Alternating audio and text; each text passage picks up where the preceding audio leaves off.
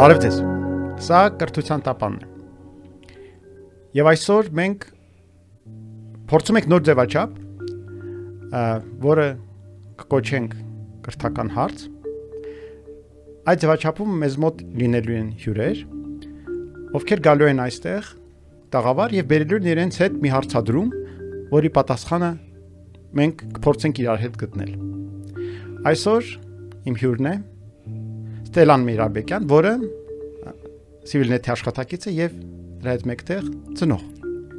Մայր։ Մայր։ Եվ Ստելան ունի, որքան ես գիտեմ, հարց, իդեպ որին ես ընդամենը շատ ընդհանուր եմ ծանոթ։ Եվ ինձ էլ է հետաքրքիր, թե ինչի մասին ենք մենք այսօր խոսելու։ Խնդրեմ։ Շնորհակալություն Արամ։ Նախ շնորհակալություն այս ձևաչափը մտածելու համար։ Սա իրապես հարթակ է լինելու, ազատ հարթակ, որտեղ բոլոր մտահոգ մարդիկ, կրթությամբ մտահոգ մարդիկ կարողանալու են բարձրացնել իրենց հարցերը եւ ձեզ հետ միասին, եթե ոչ գտնել պատասխաններ, առնվազն այդ հարցադրումները անել։ Ինչպես նշեցիք, այո, ես երկու աշակերտների մայր եմ եւ բավական, եթե չասեմ դժվար, բավական կընտրահարույց ճանապարհ եմ անցել որպես մայր։ Ինչու խնդրահարույց թվում է թե ինչու պետք է ծնողի համար խնդրահարույց լինի Որքան ես հասկանում եմ, խնդիրները եկել են դպրոցից։ Այո, այո, դպրոցից։ Ես հասկանում եմ, որ սա շատ բազմաշերտ եւ խորքային խնդիր է, եւ այդուհանդերձ, եթե շատ կարճ ձևակերպելու լինեմ հարցս, այն կհնչի այսպես. ինչպես անել, որ այսօր կրթության որակով իրապես մտահոգ ծնողները, ծնողները, որոնք դեմ են դպրոցների առևտրայնացմանը, որոնք դեմ են դպրոցական յուրաքանչյուր process-ին չափազանց միջամտությանը, եւ այս շարքը կարելի է շարունակել ինչպես անել որ այդ ծնողների ձայնը իսկապես լսելի լինի նրանք կարողանան ինչ որ արդյունքի հասնել եւ չհամարվեն սպիտակ ագրավ դպրոցում իսկ մենք հասկանում ենք երբ ծնողը դառնում է սպիտակ ագրավ դա կարող է բերել նաեւ երեխայի սպիտակ ագրավացմանը ինչ կասեք շատ ընդհանրական պնդում է իրականում միանգամից մի քանի կարևոր եւ հիմնային խնդիրների արդյունք է դա իմ տեսակետից բայց որքան ես հասկանում եմ այնիշ դες մտահոգում է դա այդ ծնողների կողմից ուսուցիչների տնտեսական ինչ-ինչ խնդիրները լուծելու կամ դպրոցի տնտեսական ինչ-ինչ խնդիրները պարտադրված լուծելու պարտադրված կամավոր պարտադրված կամավոր լուծելու մշակույթն է, որը կա դպրոցներում չնայած դրա դեմ ինչ պայքար էր հայտարարվել 2-3 տարի առաջ, միևնույն է զգալի փոփոխություն կարծես թե չի երևում չի երևում, որովհետև մենք հասկանում ենք, որ պետք է փոխել մտածողությունը, իսկ մտածողությունը Արդյոք մտածողությունն է պետք փոխել։ Եկեք հասկանանք թե կամ պատկերացնենք թե որտեղից է դա գալիս։ Առաջինը խորթային տարիներին դա կար։ Դա հին ավանդույթ է մեր կրթության մեջ։ Դա պոզ ու պոչ ունեցող ավանդույթ է։ Դա առաջինը։ Այն տարիներին դա նույն նպատակը ուներ։ Ամեն դեպքում ծնողները գիտակցում էին, որ դպրոցի ազդեցությունը երեխայի վրա շատ մեծ է, իսկ իրենցը համարյա զրոյական։ Այդպես էր կառուցված համակարգը։ Համակարգը ուներ մեծ հեղինակություն, մեծ աջակցություն պետության կողմից, իսկ ծնողները համարյա զրկված էին ինչ որ իրավունքից։ Եվ դրա լուծումը իրենք տեսնում էին շողոքորթելու մեջ տարատեսակ նվիրատվություններով, ծաղիկներով, ծննդյան տոներին նվերներով ուսուցիչներին, ինչպես ինչ որ կերպ մեղմացնել համակարգը, որ เป զի իրենց երեխաների համար որոշակի կոմֆորտ, հոգեբանական կոմֆորտ լինի դպրոցում։ Այսօր տրանսֆորմացվել է։ Այո։ Այսօր մենք ուսուցիչներին փորձում ենք սոցիալապես աջակցել, թողներեն ինձ ուսուցիչները, բայց այդ այդպես է։ Իմ կարծիքով այո, իմ կարծիքով այսօր ծնողների մոտ, շատերի մոտ կա այնպիսի ընկալում, որ ուսուցիչը փաստացի իր աշխատանքի համար շատ ցածր վարձատրում է ստանում, ահա որ ցածր։ Եվ դա ես կասեի այսպես, դա պետական անբարոյականությունն է, որը սկսվել է դեռ 90-ականներին, բայց այն ժամանակ դա այնքան էլ բացահայտ չէր, որովհետև այդ վերաբերմունքները ընդհանրապես պետության այսպես սոցիալական պայմանագիրներ այդպեսին վերաբերմունքներ պետության մարդկանց նկատմամբ, որը ի վիճակի չէր ֆինանսապես ապահովել երկիրը եւ անում էր այն ինչ որ կարող էր անել։ Սակայն հետո իրավիճակը փոխվեց։ Ոստիկանների աշխատավարձները աճեցին, պետական ծառայողների աշխատավարձները բավականին աճեցին, ամեն աշխատավարձ աճեց, բացի ուսուցչի աշխատավարձից։ Եվ բնական է, որ ուսուցիչը սկսեց վերաբերվել իր սեփական աշխատանքին դպրոցում որպես մի բանի, որ ինքը անում է ավելի շատ այսպեսի լավության տեսքով, լավության տեսքով, այո։ Եվ դրա դիմաց ինչ որ բան է անկնկալում։ Եվ քանի որ պետությունը այդտեղ դերակատարում համարյա չունի, իր չնչին ֆինանսական ներդրումով, հետեւաբար իսկ դպրոցը պետական է եւ ուսիշ կներեք ծնողները չեն կարող վճարել անմիջապես դպրոցին, ուրեմն պետք է ինչ որ լուծումներ տան, որ เป զի ուսուցիչը կարողանա իր լուման ստանա այդ ամբողջ պատմության մեջ։ Սա մտածողությունն է, որը իհարկե անբարոյական է, իհարկե սխալ է։ Սակայն մենք պետք է հասկանանք որպես ծնողներ, որ երբ որ մենք չենք վճարում որպես հանրային ընդհանրական ծնող ուսուցչին ուսուցիչը ինչ որ բան է մեզանից ակնկալում մենք լինելով հանրության անդամներ եւ որևէ կերպ չպնդելով տարիների ընթացքում ուսուցիչների աշխատավարձները բարձրացվեն, ընդհանրապես այդ հարցին որևէ ուշադրություն չդարձնելով, երբ որ հարցը վերաբերում էր 100 դրամին թե 120 դրամին վճարը ավտոբուսի կամ էլեկտրականության այդ բաները պիտի 20-ի տեղը 25000 վճարեինք ամսական եւ այդ 5000-ը մեզ համար դարձավ պայթունա վտանգ մի բան մենք քաղաքական բողոքի գնացինք կրիվ տվեցինք դա մեզ համար զարմանալի չէր։ Դա մեզ շատ միավորեց, չէ։ Երբ որ մեզ գրպանին էր խփում, ես երբ որ խփում է մի այլ մարդու գրպանին, որի աշխատանքը մեծ, շատ մեծ ազդեցություն ունի մեր մեզ վրա, մենք չգիտես ինչու չեք տեսնում դա։ Գույր աչքով ենք նայում դրան, չենք նկատում այդ խնդիրը։ Դա մեր համար մեկ խնդիրն է։ Սակայն ես հիմա միտքս վերջացնում դուք շարունակեք, ես մեծ հաճախով կլսեմ ձեր տեսակետը։ Սակայն կա երկրորդ խնդիրը, որ անբարոյականությունը բերում է անբարոյականության։ Երբ որ ուսուցիչը իրեն վերապահում է իրավունք գործել ինչ որ առումով բարոյականության սահմաններից դուրս, ապա դա դառնում է սովորական երևույթ եւ օրինակ եւ գաղափար եւ սկզբունք եւ անբարոյականությունը մտնում է դպրոց այդ ճանապարհով եւ խախլում եւ քանդում է դպրոցի միջավայրը ոչնչացնում է դպրոցի առաքելությունը դարձնում է դպրոցը պարապելու տեղ որտեղ երեխաները գալիս են ժամանցի եւ մի քիչ սովորելու այնտեղ որևէ այլ առաքելություն ուսուցիչը չունի, որտեղ երեխաների աչքերի առջև, եթե նախկինում դա արվում էր գոնի գախտի, հիմա բացահայտ ծնողները կաշառում են ուսուցիչներին, ուսուցիչները աշխատեն Եվ դա երեխաները տեսնում են եւ դրանից օրինակ են քաղում իրենց համար։ Եվ այդ ուսուցիչը թող չզարմանա, որ այսօր իր կենսական որոշ չափով խնդիրներ լուծել, որտեղ դա լուրջ իրական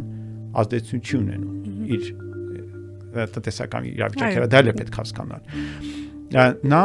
կործանում է իր ապագան, իր երեխաների ապագան, իր ընտանիքի ապագան, իր տունն է քանդում դրանով։ Ուղղակի պիտի դա հասկանա այդ ուսուցիչը։ Ցավոք ուսուցիչներն դա չեն հասկանում այնքան ենք մենք մոլորվել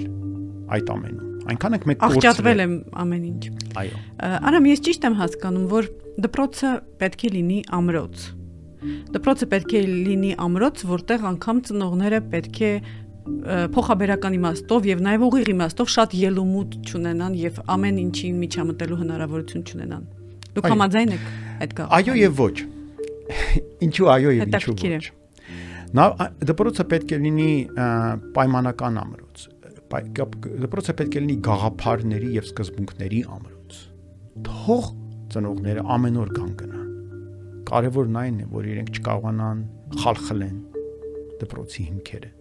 Դպրոցը այնքան պինդ լինի, այնքան ամուր լինի, բարոյապես այնքան կայուն լինի ուսուցիչները այնքան նվիրված լինեն իրենց աշխատանքին եւ գիտակցեն իրենց առաքելության կարեւորությունը, որ կարողանան հակադրվեն այն արատներին, որոնք կան հասարակության մեջ, գոնե դպրոցի պատերի ներքո։ Եվ իրար ամուր իրար ձեռքերից բռնած գիտակցեն, որ այլապես, եթե իրենք այդ ամենը կորցնեն, իրենց աշխատանքը իմաստ չունի, դա ժամավաճառություն է, էժան ժամավաճառություն է։ Միայն այն դեպքում ուսուցչի աշխատանքը իմաստ ունի դպրոցում, երբ որ դպրոցում կա բարձր բարոյականություն, կան սկզբունքներ, կան արժեքներ, կան հավատ, որ մենք առաքելություն ենք իրականացնում։ Իսկ դա մի քիչ դժվար համատեղելի է նրա հետ, երբ որ ուսուցիչը դրթում է ծնողներին իր ծննդյան կապակցությամբ իրեն ոսկե շղթան նվիրել կամ ինչ որ երեխան եթե խնդիր է ունենում ծնողը պետք է գա անպայման շոկոլադ բերի իր հետ եւ այլն այդ ամենը այնքան հերույ է ճշմարտությունից որ եթե ուսուցիչը դա է անում թող չխոսի որ նա պայքարում է բարոյականության համար, որ ինքը բարոյական կերպար է, որ երեխաներն պետք է հարգեն, չեն հարգելու։ Ինչպես փոխել ծնողներին։ Սա գուցե շատ տարօրինակ հարց է։ Մենք կարող ենք իհարկե ուսուցիչներին մեղադրել, որ նրանք դրթում են։ Իսկ երբեմն ուսուցիչը գուցե եւ չի ակնարկում կամ չի ակնկալում, բայց ծնողներն են պնդում։ Կան այդպես ուսուցիչներ, բազմիցս լսել եմ նման բողոքներ, եւ ուսուցիչները գալիս տխուր, նեղված պատում են, որ անընդհատ ծնողները փորձում են խնդիրներ լուծել երեխաների, ցածր գնահատականը ոչ թե փորձում են լուծել նրանով, որ ինչ անենք, որ երեխաս ավելի լավ սովորի, այլ ինչ անենք, որ երեխաս ավելի բարձր գնահատական ստանա։ Եվ այդ ինչ անենքը հիմնական ծնողի միտքը գնում է դեպի մի բան բերեմ ուսուցչին, որ ավելի բարձր գնահատական դնի։ Այդ աղճատված ձեր ասած, այդ ամբողջապես շեղված մտածողությունը մեր խնդիրը, ու դա գալիս է շատ խորը պատճառներից իմ պատկերացմամբ կա այսպեսի բեռնա փոխադրման կուլտ կամ կարգո կուլտ, որը հայտնի երևույթ է որը հիմա ես չեմ պատմի որտեղից է գալիս այդ բառակապակցությունը երկար պատմություն կլինի բայց իմաստն այն երբ որ մենք կատարում ենք արտաքին գործողությունները որոնք մենք չենք էլ գիտակցում դրանց կապը խորը իմաստների հետ, որոնք կան, ընդհանրապես արտաքին գործ համարելով, որ դառնում մենք լուծում ենք խնդիրը։ Մենք միայն արտակնապես պահպանում ենք ինչ որ մի այսպեսի սովորույթ, ենթադրելով, որ դա բերում է նրան, որ բովանդակային մենք խնդիր ենք լուծում մենք արտակնապես կարևորում ենք դիպլոմը առանց գիտակցելու, եթե դիպլոմի հետևում գիտելիք չկա, այդ դիպլոմը ոչինչ է։ Մենք կարևորում ենք գնահատականը առանց ուշադրություն դարձնելու, թե արդյոք այդ գնահատականի հետևում կա իրական կարողություն եւ գիտելիք թե ոչ։ Բայց այստեղ նաեւ կա երկրորդ խնդիրը։ Այդ ամենը շատ հաճախ գալիս է իմաստազրկումից Մեզ մոտ իմաստազրկված է կրթությունը, մեզ մոտ իմաստազրկված է առարկան, շատ առարկաների բովանդակությունը, մեր մոտ մեզ մոտ իմաստազրկված է ուսուցիչների մոտեցումը երեխաներին անհասկանալի եւ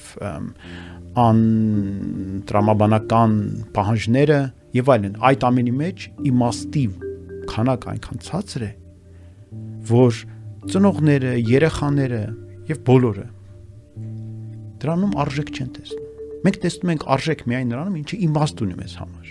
Եթե իմաստ չունի, ինչ արժեք փնտրենք։ Իսկ եթե արժեք չենք փնտրում, դա մեզ համար ընդհանրապես ժամանակավոր խոչընդոտ է, եւ մենք փորձում ենք այդ խոչընդոտը հաղթարել ամենահեշտ ճանապարհով։ Եթե հեշտ ճանապարհը գնահատական ստանալ ուսուցչին շողոքորթելն է, ուրեմն դա պետք է անենք։ Եթե նպատակը գնահատական ստանալն է, իսկ եթե այլ նպատակ կա, դպրոցը այդ նպատակը պետք է հասցնի ծնողին։ Ծնողը պետք է գիտակցի, որ դպրոցի նպատակը գնահատականը չէ որ դպրոցը շատ ավելի բարձր եւ կարեւոր նպատակներ ունի եւ հենց ծնողը դա գիտակցեց հավատացեք ծնողի վերաբերմունքը կփոխվի մենք ունենք ծնողներ այլ դպրոցում որոնց երեխաները սովորել են այլ դպրոցներում եւ երևի թե սպիտակագրավ չեն եղել ձեր ասած բայց իրենք գալիս են մեզ մոտ եւ մի օրում իրենց պատկերացումները նրա մասին թե իրենք ինչ դեր ունեն երեխայի կրթության մեջ մի օրում շատ փոխվում են Այսինքն մենք գտնվում ենք մի արատավոր շղթայի մեջ, որից ելքը դժվար ենք պատկերացնում։ Ի վերջո դպրոցը բարեփոխելու, կրթությունը բարեփոխելու պատվիրատուն ով է։ Որտեղից մենք պետք է սկսենք այդ առողջացումը, այդ արդյոք այդ առողջացումը պետք է ներքևից վերև տեղի ունենա,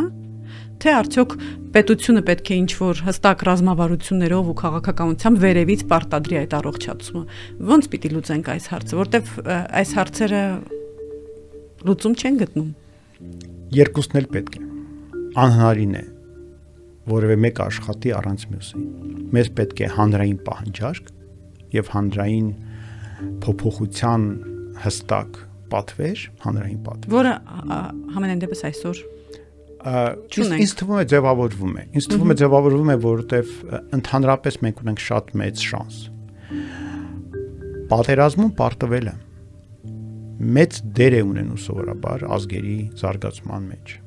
ընդհանուր գիտակցությունը, որ մենք ինչ որ բան սխալ ենք անում, եթե կանք այս հանգրվան։ Ստիպում է կրթվել եւ բարեփոխվել։ Ստիպում է փոխվել։ Ցավոք, այնպես չի, որ մեր հանդրության մեջ կա ընդհանրապես պարտության զգացողություն։ Դա էլ մի առանձին հետաքրքիր խնդիր է։ Բայց դա մի կողմ թողնենք, գոնե շատերի մոտ կա դա, մի մասի մոտ մարդկանց։ Ու արդեն դա բավարար քանակ է, որովհետև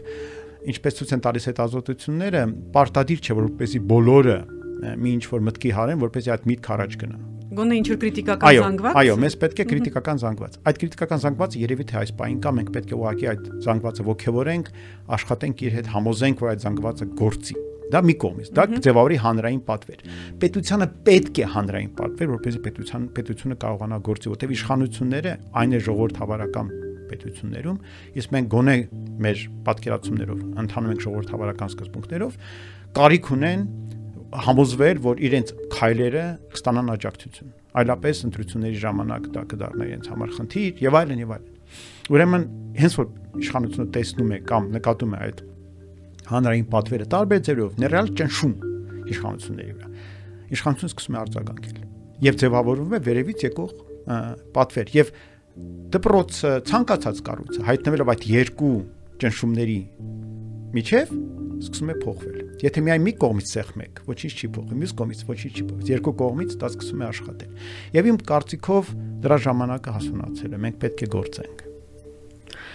Իմ վերջին հարցը, եթե կարելի է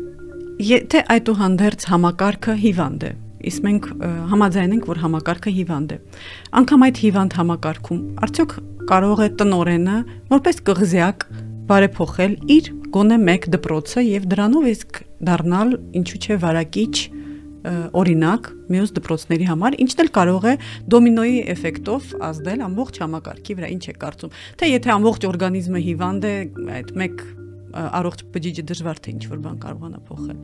Դե առաջին հետ ես այդպիսի դպրոցներ գիտեմ եւ իրեն քիչ չեն կան դպրոցներ, որտեղ կա այլ մշակույթ եւ այլ մոտեցում, որը ոչ միայն տնօրենի որոշումն է, այլ ամբողջ կոլեկտիվի որոշումն է եւ